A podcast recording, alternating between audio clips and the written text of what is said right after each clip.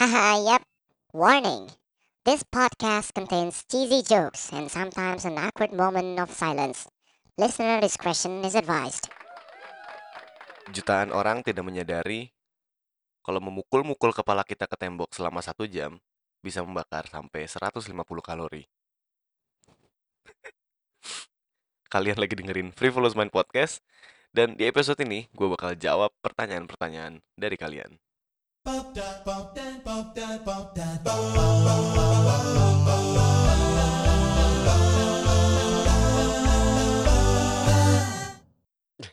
Ya bener tapi di yang pertama tadi gue bilang ya, yang awal em, jeduk-jedukin kepala kalian ke tembok selama satu jam itu bisa membakar 150 kalori kalori ya.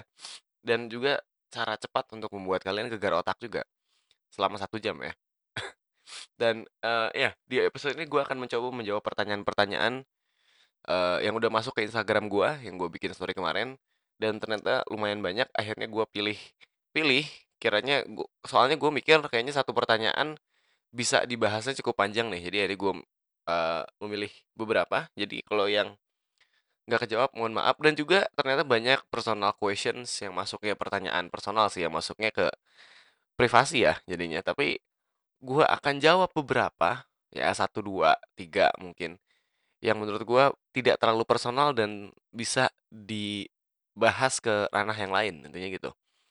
Dan eh, juga di sini ada beberapa teman yang request ke gue untuk namanya tidak disebutkan atau yang gue lihat pertanyaannya mungkin agak sensitif atau ya gitu. Akhirnya gue mungkin ada beberapa orang yang nanti gue nggak sebutin namanya karena uh, untuk keselamatan gue dan orang itu.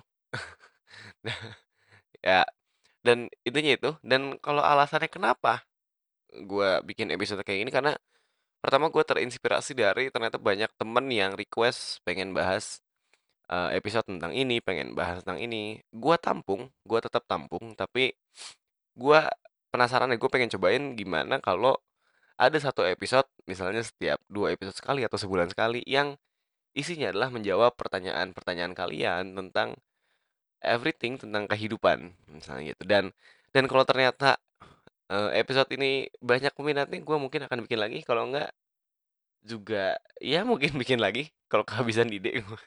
Dan iya ya, salah satunya karena bukan kehabisan ide sih sebenarnya.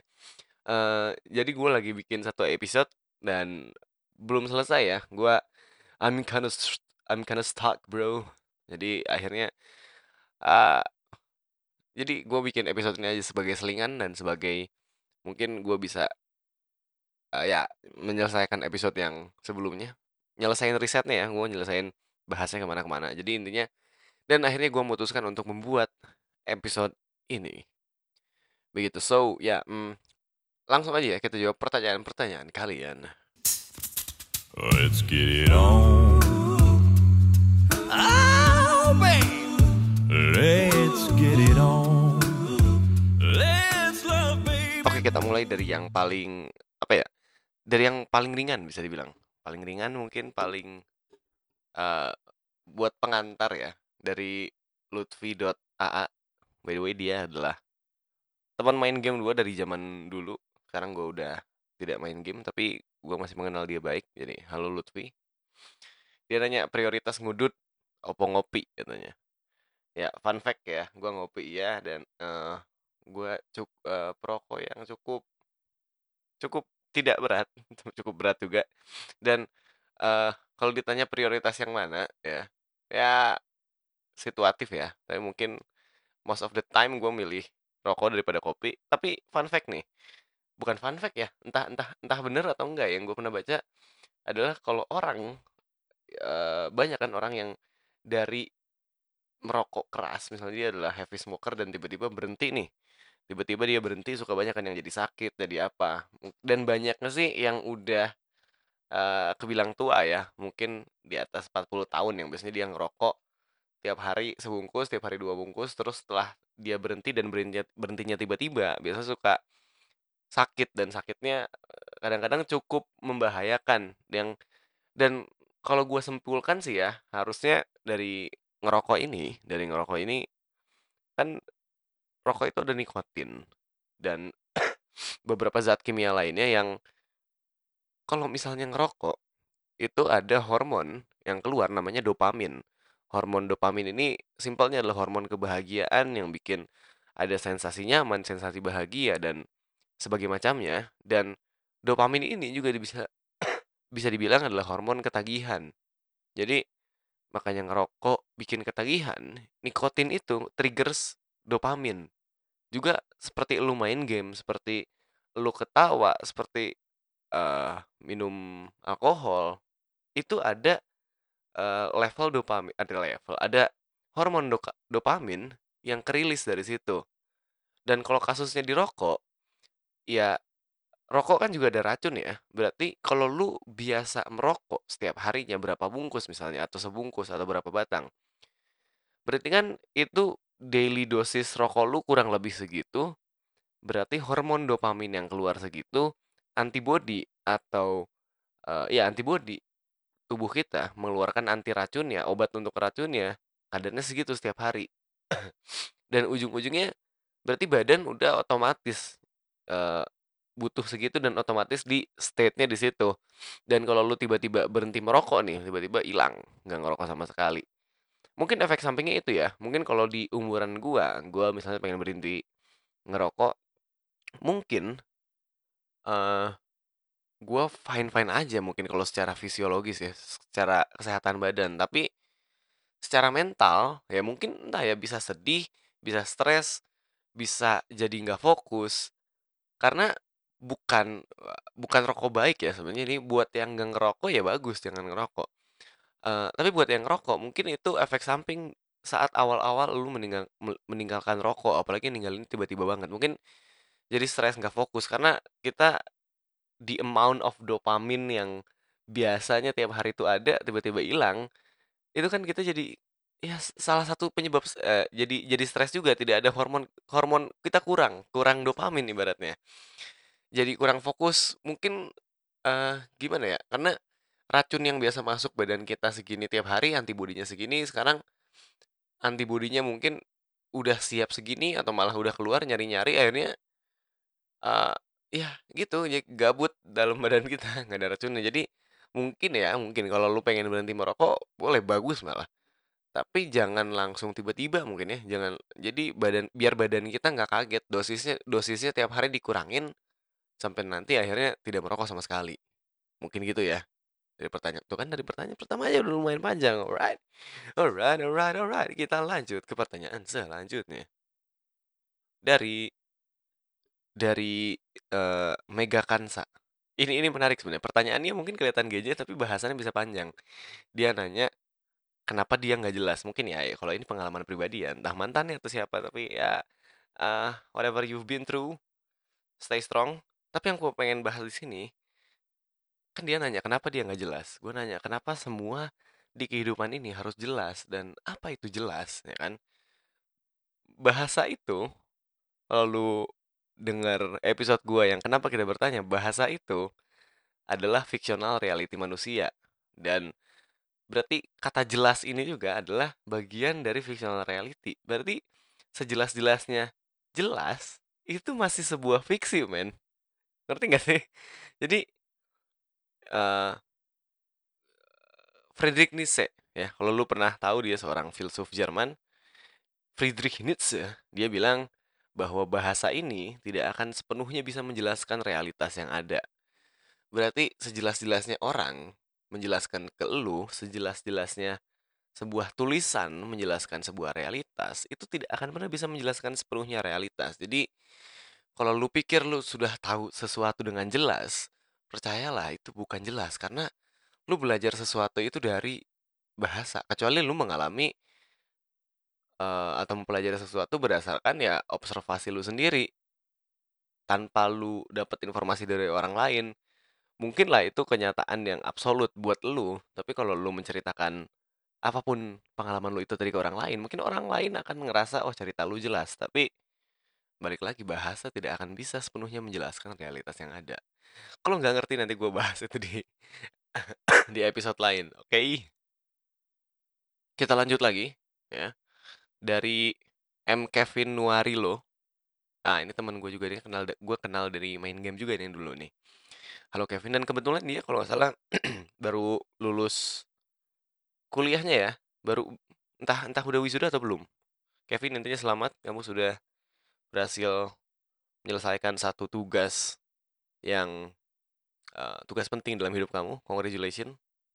Dan dia nanya, Kevin ini nanya, orang dikatakan alay berdasarkan apa? Contohnya, gue suka Korea alay nggak? Nah pertama, kita harus tahu alay ini apa. Yang gue tahu di zaman dulu itu alay kan awalnya anak layangan ya. Entah sekarang bergeser dengan anak alay ini adalah anak yang dinilai sama orang lain itu cringy. Cringy itu ya menggelikan. Dinilai apa ya?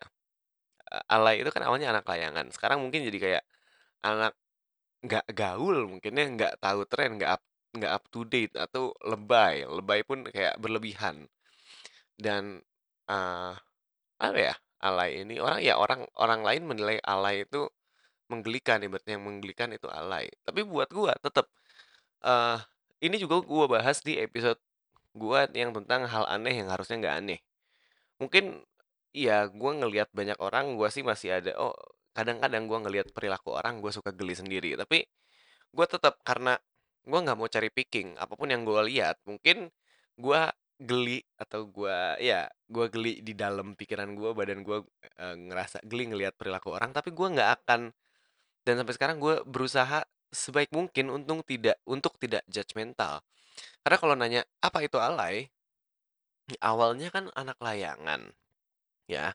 Anak ABG gaul yang lebay ke sana ke sana kemari. Tapi kan itu tahap eksplorasi dia ya. Dan kata alay ini cuman perjanjian masyarakat yang mungkin mendiskreditkan aktivitas masyarakat lain. Jadi ujung-ujungnya orang takut melakukan sesuatu karena dibilang alay juga kan. Alay itu bisa dibilang kata alay ini atau orang-orang alay itu nggak jauh beda sama moral.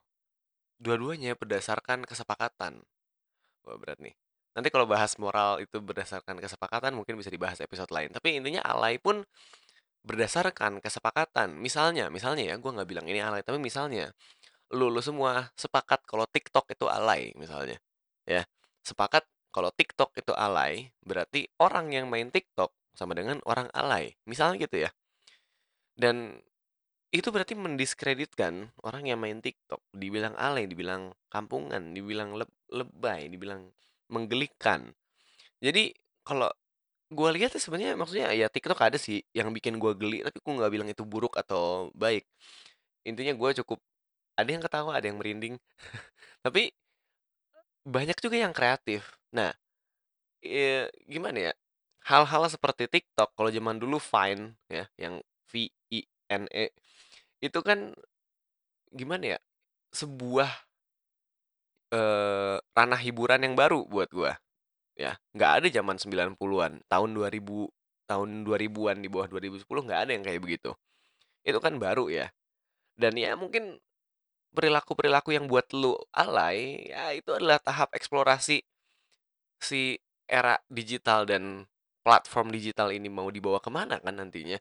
Dan ujung-ujungnya gue melihat banyak yang kreatif ya. Ujung-ujungnya kalau ditanya alay itu kesepakatan dan pertanyaan ke dia kalau dia suka Korea alay atau enggak ada yang bilang alay, ada yang bilang enggak. Kalau buat gua, tidak ada yang alay. Selama lu suka, selama lu mau jalanin, lu jalanin. Jangan takut dibilang alay. Kalau ternyata lu punya bakat dari sesuatu yang orang lain bilang alay dan ternyata lu punya potensi untuk bisa menjadi yang terbaik dan bisa sukses dari situ, tapi lu tidak menjalankannya, akhirnya lu nggak pernah tahu dan lu nggak pernah sukses karena lu takut dibilang alay doang. Jadi tidak ada batasan sampai mana lu alay sampai mana lu nggak alay. Alay itu cuman kesepakatan. Dan kalau lu tidak sepakat dengan konsep alay, ya lu nggak usah peduli-peduli amat, lu jalanin yang lu suka, men. Gitu. Oke, mungkin itu tentang alay ya. Lanjut ya. Eh, ini selanjutnya dari kalau gini gua ragu dia di mau disebutin namanya atau enggak ya dia. Mungkin biar aman kita nggak sebutin namanya. Ya. Dia nanya, bagaimana pendapat Anda tentang hal mistis, gaib, santet, dan kawan-kawan? Berarti hal supranatural ya. Kalau ngomongin hal supranatural sebenarnya ya bisa dibilang sensitif, bisa dibilang enggak. Gua pendapatnya gue tidak akan memberi kesimpulan evaluatif, gue hanya memberi penjabaran ya. Tadi dibilang kan mistis, gaib, berarti kan rahnya setan, jin, santet, ya kuntilanak, pocong yang seperti itu yang kalian takutin dan tapi tetap kalau ada filmnya kalian tonton, katanya takut tapi nonton gimana. Nah, kalau dijabarin kan itu semuanya supranatural, ya. Supranatural berarti di luar hal yang natural. Natural itu apa sih? Natural itu yang alami, yang sesuai hukum alam. Kalau misalnya dilihat wujudnya, apakah beneran ada nih hal-hal mistis seperti ini? Kita harus lihat dunia ini, alam semesta ini kan dibuat dari bu- dibuat dari dan bahan-bahannya kan ada massa, ada volume, ya. Dan kalau hal supranatural seperti itu bisa dibilang tidak ada massa, tidak ada volume, atau at least kita nggak bisa lihat. Tapi kalau dilihat dari sisi naturalnya ya, yang membuat massa dan volume ini apa sih? Itu kan kumpulan atom-atom meja yang lu pakai buat nulis, kursi yang lu dudukin, sekarang lu lagi dengerin pakai headset atau headphone atau eh, apa pun atau speaker, itu kan terbuat dari atom, kumpulan atom. Ya, handphonenya pun dari atom. Dan atom itu dalamnya ada proton, ada elektron dan itu semua yang membuat alam semesta ini gitu loh. Yang bahan dasarnya tuh itu. Bahkan eh, entah ya eh, mekanisme gimana gua nggak nggak nggak gitu expert ke arah sana, tapi untuk hal-hal di luar yang alami tadi, di luar natural tadi, gua nggak ngelihat di mana si misalnya jin nih, setan nih, di mana setan ini bisa masuk gitu loh. Bisa masuk di sela-sela atom-atom ini gitu loh. Dan ah, gimana ya? Sains tidak pernah bisa menjelaskan apakah ada yang seperti dan kalau ditanya, oh ini nyambung ke edisi spesial Halloween ya. Ya intinya itu dan itu supranatural, itu konsepnya metafisik dan gimana ya? Buat yang tidak percaya dengan hal seperti itu, ya emang nggak harus dibuktikan. Ini gue sering lihat miskonsepsi orang-orang ya. Kalau nggak percaya disuruh buktiin. Kalau nggak percaya misalnya gue bilang, misalnya ya, misalnya gue bilang, eh gue nggak percaya adanya setan. Misalnya gue bilang itu. Yang anehnya logikanya salah. Orang malah suruh orang yang tidak percaya kalau satu hal itu tidak ada suka disuruh membuktikan ketidakberadaannya itu buat gue aneh banget itu namanya logical fallacies-nya eh, burden of proof kalau nggak salah apa itu logical fallacy? Nanti gua bakal bikin episode podcast tentang itu. Tapi intinya logikanya nggak gitu. Kenapa sebuah ketidakberadaan itu harus dibuktikan? Kenapa gitu? Kalau kalau lu ngeklaim sesuatu itu ada misalnya eh, lu ngeklaim di belakang rumah lu ada monster ada alien. Lu ngeklaim sebuah eksistensi lu ngeklaim lu ngeklaim sebuah keberadaan. Itu yang harusnya dibuktikan. Tapi kalau ketidakberadaan buat gua itu nggak harus dibuktikan Gitu, ngerti gak sih? Ya gitulah intinya. Jadi ya ya itu ya. Lanjut lanjut lanjut.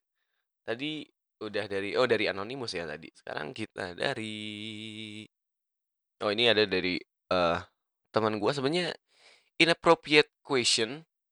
Jadi gua nggak akan jawab dan gua nggak akan bahas di sini. Tapi intinya ini pertanyaannya sangat eh bukan sensitif malah. Pervert ya jatuhnya ke arah seksual dan nggak tahu apa yang salah dari orang ini. Dia namanya Bangkit Karunia. Buat yang tahu ya kalian pasti ya mengerti lah orang ini emang sedikit itu pertanyaannya apa gua nggak akan bahas di sini dan nggak usah dibahas. Intinya dude get some help. Oke, kita lanjut ke eh siapa ya? Ini oh ini dari I am Jenin ya. Dia nanya ada dua dia nanyanya. Pandangan tentang seks. Uh mengerikan.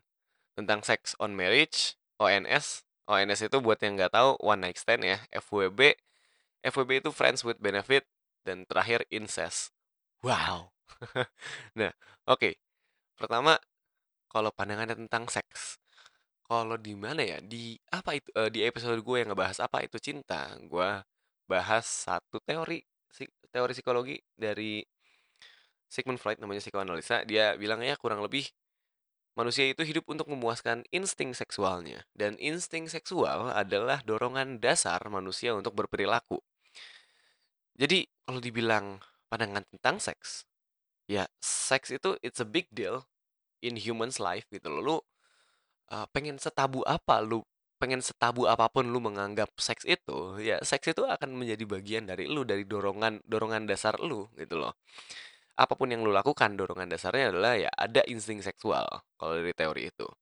Dan kalau dari tadi karena selanjutnya dari pernikahan, one night stand, friends with benefits dan incest. Incest terakhir deh, kita bahas tiga dulu. Pernikahan, one night stand dan friends with benefit. Kalau itu itu kan jatuhnya moral ya, itu bahas moral. Kalau bahas moral, kalau dari pernikahan ya, kalau pernikahan itu sebuah budaya yang sudah ribuan ribuan yang sudah ribuan tahun yang sudah ribuan tahun terjadi. Jadi kalau terjadi di sini maksudnya kalau lu pengen melakukan hubungan seksual, lu harus menikah dulu, harus ada semacam perjanjian di antara itu kan. Kalau one night stand ya, lu tahu sendiri cuman cinta satu malam ya. Lu ketemu orang, lu just do it man, lu ngelakuin gimana dan udahan. Kalau fri- friends with benefit berarti tidak ada komitmen komitmen apa ya namanya komitmen moral komitmen partnership partnership di sana. Tapi cuman ada komitmen seksual. Ya berarti lu cuman ya partner seks lo ibaratnya. Kalau ditanya pandangannya gimana ya? Maksudnya gue tidak kalau di budaya Indonesia ya kalau di budaya Indonesia untuk praktek one night stand dan friends with benefit itu masih sangat tabu tapi rahasia umum lah banyak banget sampai banyak sekarang manusia di Indonesia yang melakukannya ya walaupun manusia-manusia di Indonesia tahu bahwa eh, aktivitas itu melanggar norma, melanggar moral yang ada di Indonesia. Gue nggak bilang itu saya, itu gue nggak bilang itu salah ya. Gue bilangnya itu melanggar norma dan moral yang berlaku di Indonesia. Ya, mungkin kalau orang-orang ini tinggal di Barat di Amerika atau situ itu tidak melanggar norma setempat karena kehidupannya seperti itu. Ya, tapi di Indonesia di banyak tempat di Indonesia itu melanggar nilai moral dan norma yang ada karena di Indonesia seks di luar nikah itu tidak disepakati oleh mayoritas masyarakat ya therefore kebenaran di Indonesia bilang kalau seks di luar nikah itu salah itu yang disepakati ya kan tapi kalau misalnya apakah kita harus menindak orang-orang yang melakukan praktek itu gua rasa sih enggak ya itu privasi sebenarnya karena eh jatuhnya lebih ke moral ya daripada norma. Kalau norma mungkin eh, peraturan ya norma juga iya sih, tapi tidak bisa dihukum karena ujung-ujungnya seks ya kehidupan seksual masing-masing orang itu privasi ya. Kalau eh, balik lagi ke tadi, iya lu melanggar norma dan moral sekitar. Tapi lu juga punya nilai moral dan lu punya norma yang lu tanamkan dalam diri lu masing-masing kan. Jadi kalau menurut lu tadi hubungan tadi di luar pernikahan, misalnya one night stand dan friends with, friends with benefit ini tidak melanggar nilai moral dan norma yang lu tanam dalam diri lu, then just do it gitu. Itu hak lu. Maksudnya ya seks itu privasi lu. Ya. Selama lu punya partner atau pasangan lu pun sama-sama punya stance yang sama. Punya stance ya pendirian yang sama. Jadi ya udah sel- selama dua-duanya concern ya ya udah gitu buat ngomong dan ya intinya ke intinya ke situ ya jadi untuk kita nggak hukum mereka kita nggak bisa kenapa kita nggak bisa kalau misalnya di mm, hukum agama hukum di salah satu agama itu bisa menindaklanjuti eh pasangan yang ber- melakukan hubungan seksual di luar nikah. Tapi karena kita tinggalnya di Indonesia yang sampai sekarang tidak ada undang-undang yang bisa mengatur hubungan seksual di luar nikah. Therefore lu boleh selama kalau nggak salah ini di pasal 24 KUHP KUHP yang lama ya karena yang kemarin RKUHP kan belum jadi ya. Nah di pasal ini dia mengatakan eh, intinya nggak eh, nggak ada larangan nggak tertulis sih maksudnya pasal itu ngejelasin larangannya mungkin gua gua lupa-lupa ingat. Intinya dari eh, undang-undang tertulis itu tidak ada larangan untuk melakukan hubungan seksual selama lu dilakukan di atas 18 tahun statusnya masih melajang atau tidak menikah dan dilakukan berdasarkan atas eh, dasar mau sama mau ya kan? Selama dua-duanya concern mau sama mau berarti oke aja gitu. Dan bukan prostitusi juga intinya gitu. Berarti ya iya harus mau sama mau. Kalau yang satu mau yang satu nggak mau tapi lu melakukan hubungan seksual itu namanya rape itu namanya pemerkosaan. Dan kalau bahas pemerkosaan panjang lagi. Wow ini baru jawab berapa pertanyaan udah panjang juga ternyata. Oke lanjut dari nah si Jin I am Jin ini ada dua pertanyaannya. Tapi yang satu lagi mungkin a bit personal jadi gue nggak akan gue nggak akan eh, jawab. I am so sorry Jin. Oke. Lanjut dari siapa ini? Eh, Bella underscore TN Iko ya. Dia bilang ini menarik. Ini sebenarnya agak-agak personal karena dia minta op- opini. Tapi ini seru juga kayaknya dibahas. Dia bilang tell us about yourself. Do you think your existence matters? Uh, what is life for you? Oke apakah eksistensi gua itu berarti dan hidup itu buat gua apa? Oke. Agak berat ya. Kita mulai dari mana ya? Hidup itu apa? Eksistensi gua berarti atau enggak? Oke kalau dari eksistensi gua berarti atau enggak tergantung skalanya. Kalau dalam skala satu kota misalnya skala satu negara mungkin gua insignifikan. Tidak signifikan kematian atau eksistensi gua keberadaan gua tidak signifikan ada atau tidaknya gua nggak akan ngaruh banyak ke kota ataupun eh, negara misalnya. Atau bahkan dalam skala dunia. Dalam skala dunia mungkin gua dan teman-teman gua tidak berarti. Misalnya gua punya lima temen naik mobil kita ke kita mati semua nih di kecelakaan mobil kecelakaan itu tidak akan berarti dalam skala dunia tidak akan merubah pergeseran apa pun gitu loh. Kecuali ya ada namanya butterfly effect ya apa pun yang terjadi di alam semesta saling mempengaruhi segala macam. Tapi intinya ya insignifikan buat gua kalau skalanya besar seperti itu gitu loh. Bahkan untuk skala untuk skala alam semesta ya untuk skala universe nggak usah gua nggak usah seluruh teman-teman gua kita semua Homo sapiens dan seisi spesies semua spesies yang ada di bumi ini yang ada di planet ini atau bahkan bumi ini sendiri meledak pun planet ini meledak pun dalam skala alam semesta insignifikan. Maksudnya ya udah kayak debu kecil meledak kayak percikan api yang ya tidak insigni- tidak insignifikan. Tapi eksiste- eksistensi gua matters buat orang-orang di sekitar gua dan seenggaknya buat gua sendiri. Gua cogito ergo sum itu kata Rene Descartes. Descartes apa Descartes entahlah itu ya. Dia bilang cogito ergo sum. Artinya gua berpikir maka gua ada. Ya intinya gua bisa ngomong semua. Ini mungkin eh apa ya? Gua dulu pernah mengalami eksistensial krisis. Entah gua pernah bahasin atau enggak ya. Pernah pernah di eh, bagaimana manusia akan berakhir di episode itu. Di episode yang itu. Dia gua kan bilang eh gue pernah mengalami eksistensial krisis dan akhirnya untuk mencari arti dari eksistensi ini ya gue belajar terus dan mungkin salah satunya gue melakukan podcast ini gue rutin melakukan podcast ini adalah salah satu eh, apa ya salah satu usaha gue untuk mencari arti dari eksistensi gue mungkin.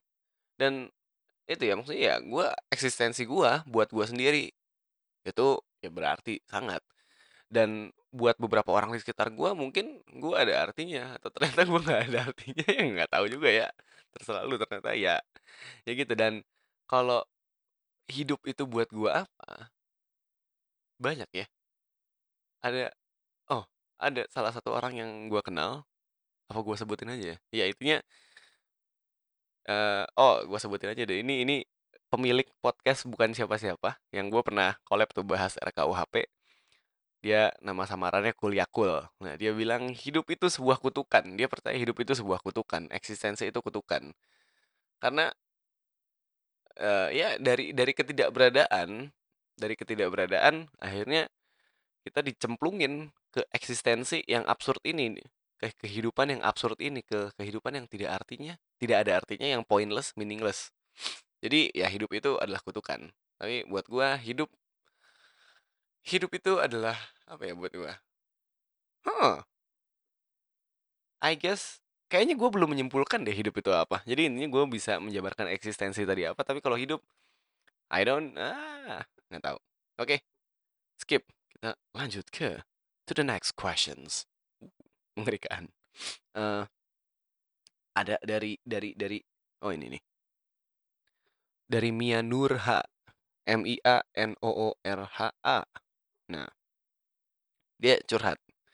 Ada curhatnya dia bilang ya nggak bisa main ke sana sini, jadi dia ngurusin banyak usaha. Dan dia bilang biar punya hati yang tenang harus gimana? wow. Eh, biar punya hati yang tenang menarik sih sebenarnya maksudnya ya berarti gimana biar lu nggak terlalu stressful kan mungkin yang gue rasakan dengan aktivitas daily aktivitas daily lu daily activity lu tuh mungkin sangat padat akhirnya lu merasa nggak tenang banyak pikiran segala macam. Kalau buat gua eh entah ya masalah orang beda-beda. Dan gua sih mungkin gue cuman menceritakan pengalaman pribadi gua dan semoga gua bisa mem- membantu gua dulu dan mungkin sampai sekarang. Ya sampai sekarang gua adalah orang yang bisa dibilang perfek perfeksionis. Gue pengen segala sesuatu itu perfect. Bahkan di kamar gua ini ya di jendela dan gua ada kayak papan tulis dari kaca gua nulis rundown gua sampai 2023 gua ngapain gitu loh saking perfeksionisnya dan ya ada bagusnya ada enggaknya. Dan eh sering kali gua jadi overthinking maksudnya dengan besok gua harus gimana what should I do eh, tentang hal ini hal itu. Dengan banyak hal gua overthinking dan mungkin itu yang lu rasakan saat ini sering kali ya dengan banyak aktivitas kayak gini dan gua sih sering membuat diri gua tenang sendiri ya karena mungkin entah ya lu udah bikin jadwal atau belum misalnya bikin rundown nih ya satu bulan ini lu pengen ngapain aja goalsnya apa lu bikin misalnya. Dan setelah lu bikin udah don't overthink it gitu loh. Just do it one step at a time gitu intinya. Ya satu-satu aja dan pikiran lu fokus ke yang lu lagi lakuin saat ini gitu loh dan ibaratnya dan planning tadi kan harus tetap ada tapi ya tadi itu don't overthink it. Ya udah lu udah bikin plan menurut lu plannya udah cukup baik udah tinggal jalanin aja nggak usah. Jangan terus dipikirin plannya tapi pikirin yang lagi lu lakuin sekarang gitu. Live for the moment ya selama kan udah ada jadwal udah ada goals udah ada rundown udah jangan mikirin ke depan terus. Banyak kan orang yang mikirin ke depan sesuatu tuh harus begini gua harus begini harus begini harus begini. Tapi karena mereka banyak pikirin mereka harus gimana idealnya mereka harus seperti apa tapi mereka jadi nggak maju-maju gitu loh. Dan apa ya pepatah mengatakan pepatah siapa ya gue lupa ini kata-kata siapa maksudnya seorang milioner seorang yang sukses itu tidak lebih jago daripada seorang yang belum sukses. Tapi mereka lebih sering kalah lebih sering gagal daripada yang belum sukses ibaratnya gitu. Dan ya mungkin itu juga jangan jangan takut dengan failure dengan kegagalan ya. Eh ya intinya itu ya. Do it one step at a time. Bikin goals bikin hitungan dan kalau udah bikin udah jangan overthink udah intinya itu. Dan lanjutin eh dan lanjutin dan lakuin aktivitas yang lu lagi lakuin gitu loh. Oke selanjutnya dari dari dari Paskah Lobian. Dari lobby ini gua kenal dia dari adalah dari media sosial. Kita banyak eh ya sharing ini itu. Dia dia tanya How do you think the world will be in the next 25 years? Gimana menurut gua dunia dunia ini menurut menurut gua akan seperti apa dalam 25 tahun ke depan? Dari sosial aspek, teknologi, ekonomi, politik, climate, nature, industri, ya dan civilization. Oke, gua mikirnya gimana ya? Kalau pertama misalnya dari mungkin bakal sangat kerasanya buat kita nih masyarakat biasa, kaum-kaum proletar. Sosial aspek dan teknologi ini makin lama makin nyatu. Ya sekarang aja udah nyatu kan, ya. Gue sih mikirnya makin sini akan sangat terintegritas nantinya kehidupan kita bersosialisasi dengan teknologi. Ada ada baiknya, ada buruknya mungkin ya. Lu kalau pernah denger episode gue yang tentang what what went wrong and less yang diet sosial media. Entah mungkin itu akan lebih sulit atau mungkin tidak mungkin di 25 tahun mendatang karena gimana ya? Inovasi terus terus ada yang baru kan tentang teknologi gimana cara kita berkomunikasi satu sama lain. Mungkin 5 ta 50 tahun lalu bisa saling tatap muka dengan orang yang berjarak 50 meter atau ratusan kilometer, ratusan kilometer di luar sana. Itu seems like impossible dan sekarang kalau kita lihat sekarang kan udah udah udah ada gitu loh. Mungkin yang sekarang belum bisa di-share cuman sentuhan dan wangi ya. Wewangian ibaratnya kita nggak bisa nyium jarak jauh, nggak bisa sentuh jarak jauh kan. Tapi udah, udah bisa tatap muka dan kayaknya dari 20 tahun ke belakang aja itu belum bisa dilakukan kan. Baru bisa di TV reporter kan yang lihat gitu ya intinya itu. Dan kalau lihat 20 tahun ke depan sosial dan teknologi akan makin terintegrasi gue mikirnya ya. Uh, entah ya dan sekarang kan ada virtual reality. Virtual reality itu masih ibaratnya masih fresh ya uh, teknologi yang masih fresh. Entah nanti handphone akan seperti apa entah makin besar entah makin kecil atau mungkin ditempelin di mana handphone no one knows atau mungkin jadi kayak VR jadi kayak ya gitu. Intinya ya sangat menarik untuk untuk ditunggu apa yang akan terjadi. Dan oh iya 25 tahun ke depan kalau dari teknologi ya artificial intelligence. Ini gua uh, gimana ya entah pasti banyak robot yang ya, robot yang gimana ya nggak nggak kepikiran sampai sekarang sekarang kan artificial intelligence sudah sampai Ya, so far yang paling canggih menurut gue Google Assistant dan Siri ya, artificial intelligence. Dan entah ya ke depannya ya artificial artificial intelligence ini mungkin akan jadi sangat sekarang pun udah sangat membantu sih, tapi gimana ya, 25 tahun ke depan AI-nya akan seperti apa ya, mungkin banyak rumah yang udah punya AI sendiri, yang udah punya personal house uh, artificial intelligence assistance mungkin dan mungkin banyak uh, apa namanya posisi-posisi top manajemen di perusahaan diganti sama artificial intelligence mungkin. Di bawah CEO misalnya konsultannya adalah AI ada artificial intelligence dan mobil nih ya kalau artificial intelligence mobil kan sekarang udah ada Tesla ya mobil yang autopilot gue mungkin akan ngelihat banyak mobil autopilot nanti di 25 tahun mendatang dan banyak yang murah. Kalau sekarang kan masih mahal tuh. Tesla tuh masih yang mahal. Nanti banyak yang murah. Entah mungkin nanti Toyota, Daihatsu, Honda, semua merek-merek Jepang yang murah-murah itu ngeluarin mobil autopilot mungkin dan harusnya mengurangi kemacetan ya kalau jadi kalau kayak gitu. Terus tadi apalagi ada sosial politik. Oh, kalau politik kalau politik berarti ngomongnya ujung-ujungnya ke moral ya. Kalau politik gue liatnya gimana ya, kan sekarang lagi kalau di barat tuh udah oh, udah blur sangat ya. Ada baiknya, ada buruknya. Ya, baik baik buruk kan subjektif juga ya. Yang namanya sekarang LGBT, feminisme. Gue sebetulnya fine-fine aja dengan keberadaan mereka, ya. Bahkan gue gue kalau gue sendiri, gue kurang setuju dengan paham patriarkis. Gue pengen emang uh, apa pun gendernya, manusia harus ya punya hak yang sama untuk melakukan segala hal, intinya gitu. Uh, dan tadi gue pengen ngomong, ngomong apa lupa. Ya, kalau itu kan kalau zaman zaman sekarang itu widely accepted tentang manu manusia itu baik apa pun warna kulit dan gender punya hak yang sama untuk uh, berinovasi dan melakukan kehidupan kan. Haknya semuanya sama. Dan itu tidak disetujui mungkin di lima 50 tahun kemarin perang dunia kedua ya. Di perang dunia kedua eh, wanita itu masih ya masih mayoritasnya patriarkis ya. Sampai muncul feminis-feminis yang ya, ya intinya gitu ya yang gue nggak nggak bahas banyak situ tapi intinya banyak banyak banget mungkin nilai moral konservatif yang ditinggalkan dan moral yang baru yang di accept Ya, entah 25 tahun seperti apa. Maksudnya ja mungkin moral jadi lebih abu-abu ya. Di 25 tahun di 25 tahun ke depan. Mungkin gini, kalau kita lihat dari zaman dulu, kalau zaman dulu moral tidak abu-abu, tapi mungkin terlihatnya jadi fasis. Fasis di sini ya salah yang salah tidak tanpa alasan apa pun langsung misalnya dibunuh, ditebas, di apa. Ke depan manusia mungkin akan lebih hak asasi manusia, HAM itu bahkan akan ditegakkan. Moral tuh jadi le- lebih blurnya adalah banyak nilai moral mungkin yang nanti jadinya cari picking.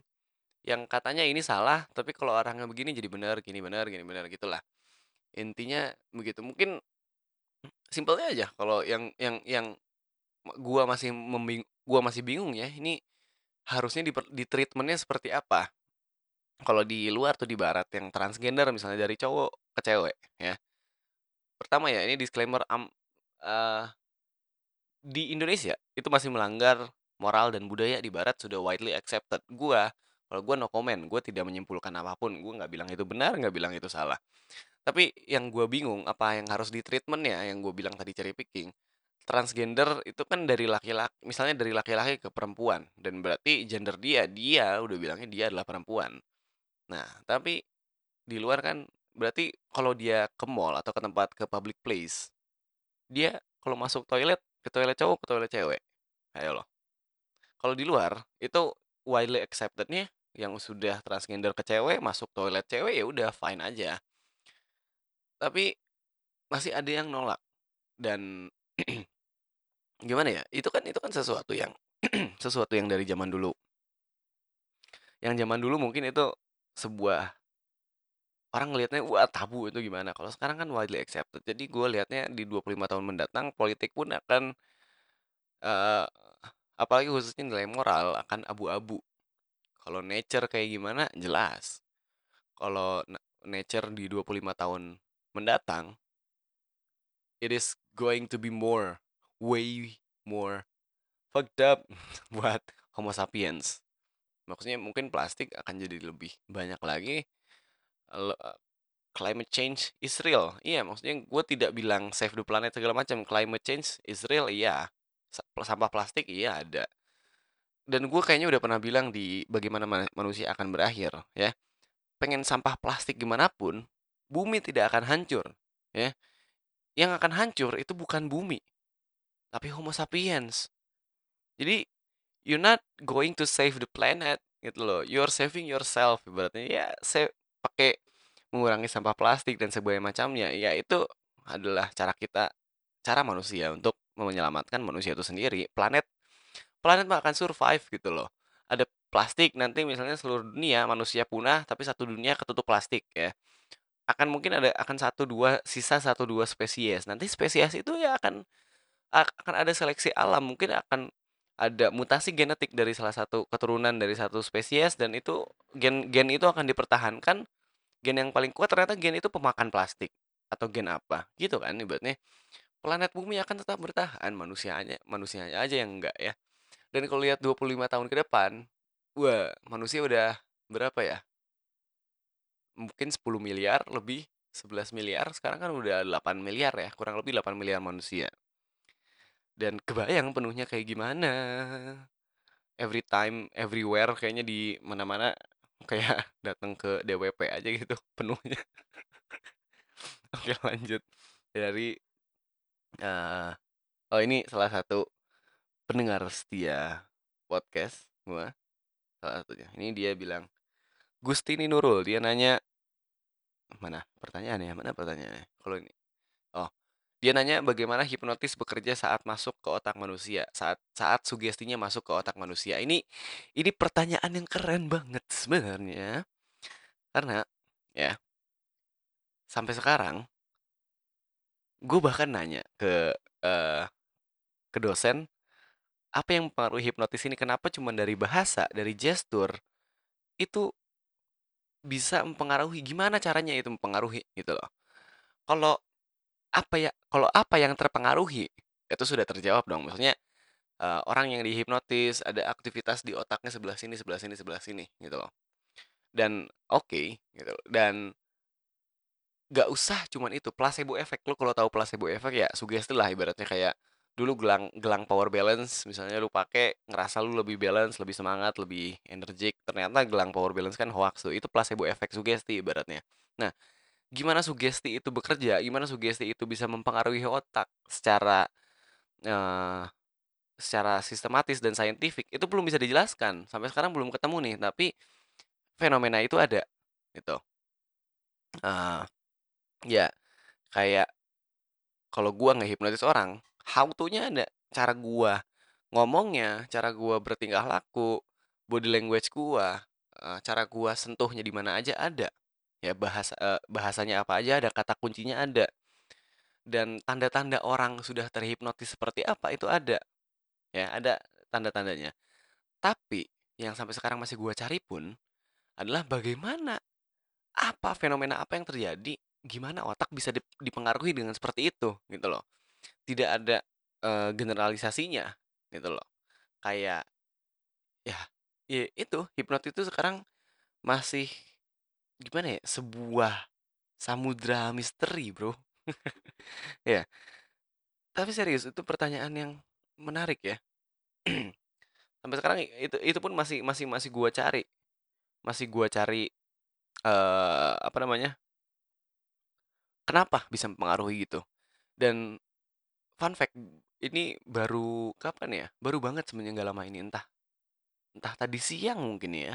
Ini by the way gue nge-recordnya malam-malam. Jadi entah entah tadi siang atau kemarin gua main hipnotis, gue ngehipnotis orang dan gue sadar satu hal. Jadi pas orang ini misalnya gue tidur, eh gue tidur, gue bikin orangnya tidur, terus gue kasih sugesti, dia bangun, eh kasih sugesti dia bangun. Nah terus pas lagi dalam permainan, jadi sugestinya adalah setiap gue tepuk tangan, setiap gue tepuk tangan, ini orang lidahnya keluar-keluar gitu. Jadi orang lain tepuk tangan, dia lidahnya keluar, meler-meler gitu. Nah pas di tengah-tengah lagi kayak gitu, dia ditelepon sama temennya. Dia ditelepon, pas ditelepon dia ngomongnya biasa tapi kalau ada orang yang tepuk tangan lidah dia keluar akhirnya udah permainan selesai dia lupa sugestinya gue suruh dia lupa nggak ingat kalau ada sugesti tentang tepuk tangan dia melet segala macam dia lupa tapi dia ingat dia ditelepon ya sedangkan di telepon itu kan lagi masa dihipnotis pas lagi dalam tengah-tengah sesi hipnotis tuh nah itu yang bikin bikin anehnya itu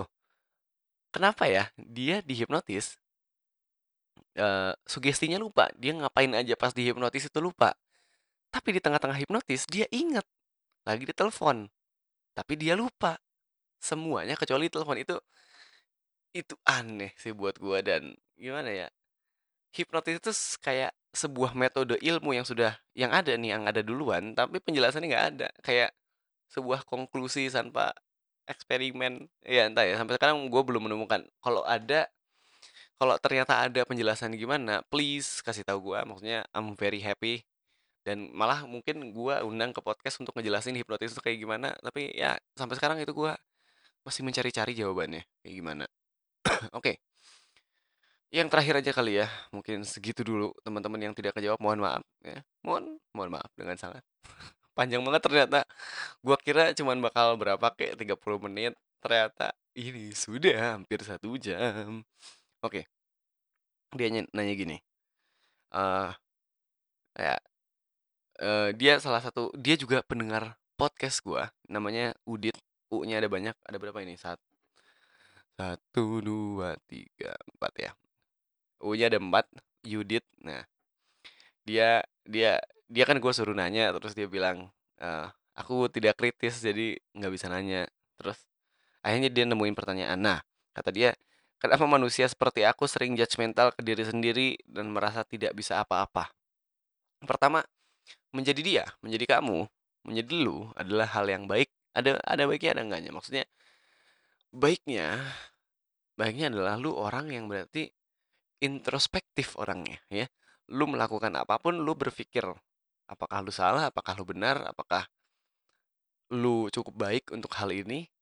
Ya buruknya adalah lu jadi overthinking, mungkin lu sering merasakan anxious, lu sering cemas mungkin. Nah, ini dibahas di banyak teori psikologi. Gue bahas satu teori aja deh. Siapa ya dari teori siapa ya?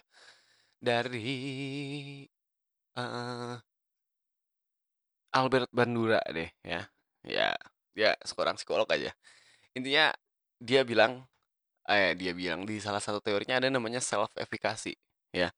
Apa itu self efficacy? Bisa dibilang adalah gimana eh lu sadar akan potensi lu tuh di mana. Nah, berarti kalau self efficacy-nya tinggi, lu punya self esteem yang tinggi, kepercayaan diri lu tinggi. Nah, kalau yang sering meragukan atau judgmental ke diri sendiri, berarti self efficacy-nya rendah. Dan kalau kenapa itu bisa terjadi? Ya namanya hidup manusia beda-beda ya. Entah apa yang lu alamin, tapi mungkin hmm, ada satu masa atau ada satu waktu yang lu melakukan sesuatu, lu gagal dan mungkin eh, lu belum menemukan support yang tepat atau lu kurang support tapi apa atau atau mungkin ada aspek lainnya, entah ya. Hmm, tapi ibaratnya ya kalau lu sering judgmental, lu kurang ini, lu kurang ini, daripada terus-terusan judgmental, kenapa lu tidak mencoba untuk ah, improve dengan hal yang lu bilang lu kurang di situ, gitu.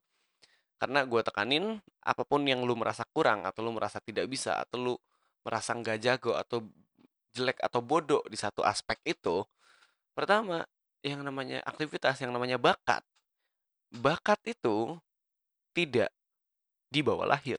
Nggak ada bakat lu dibawa lahir. Bakat itu dipelajari, ya. Bakat itu dipelajari. Jadi, whatever you do, apa yang, apa pun yang lu pikir, lu judge, eh, misalnya lu ngejudge diri lu sendiri nggak kritis, ya. Nggak kritis itu, ya karena simply lu misalnya lu tidak banyak bertanya aja, cobain aja nanya. Pertanyaan itu, gini ya, gue bilang pertanyaan itu nggak ada yang bodoh. Eh, iya, pertanyaan nggak ada yang bodoh. Semua pertanyaan ya karena kepo. Atau mungkin yang lebih ekstrim ya, mungkin gini. Semua pertanyaan itu, semua pertanyaan itu bodoh. Karena kalau udah pinter ngapain nanya gitu kan. Berarti semua pertanyaan itu bodoh. Jadi gue pun sampai sekarang masih bodoh. Kalau gue pinter ngapain gue kuliah, ngapain gue masih baca buku. Gue masih bodoh gitu. Ibaratnya ya udah. Dan keep asking aja. Kalau misalnya lu ngerasa lu kurang kritis, keep asking. Dan makin lama pertanyaan lu akan semakin kritis kok gitu. Karena misalnya lu nanya satu hal kayak gini, lu nanya A.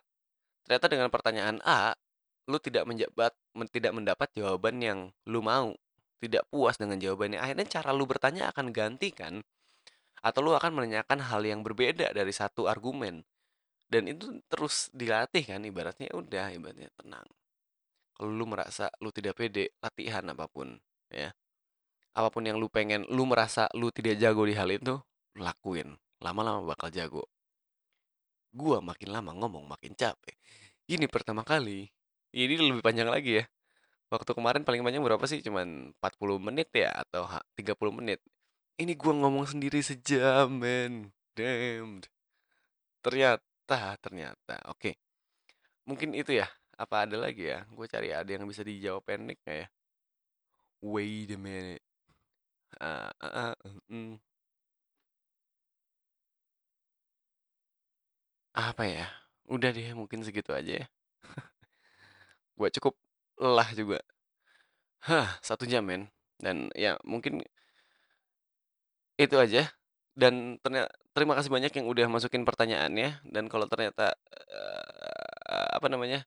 Oh ya mohon maaf yang nggak sempat gue jawab ya. Tadinya gue pengen jawabnya lebih banyak dari ini. Walaupun gue udah seleksi sebenarnya gue udah seleksi pertanyaan dari sa- sampai ke pertanyaan pertanyaan yang personal tapi oke. Walaupun ujungnya tadi nggak nggak gue balas juga kan. Tapi dan juga pertanyaan tentang hal-hal yang dia kepo tentang kehidupan. Akhirnya gue seleksi juga. Tapi ternyata sudah diseleksi pun pas udah gue bikin ternyata ngejawabnya panjang juga. Jadi ya mohon maaf mungkin nanti akan gue buat lagi kalau misalnya lu ngerasa episode ini cukup berfaedah ya. Dan eh, kalau lu kurang puas dengan jawabannya atau pengen nanya lagi boleh langsung eh, DM gue di Instagram atau tanya gue langsung kalau lu emang sering ketemu gue intinya itu. Dan sekali lagi terima kasih banyak yang udah dengerin, terima kasih banyak yang sudah masukin pertanyaannya ya. Satu jam yang sangat berharga, gue merasa lebih dekat dengan kalian anjir apa sih klise. klise cheesy. Oke, lanjut ya. Akhir kata gue tutup dengan kata indah nih ya, ya. Jika ada sesuatu yang berharga, maka itu adalah waktu. Waktu kita bersama-sama di Frivolous Mind Podcast. And as always, Thank you.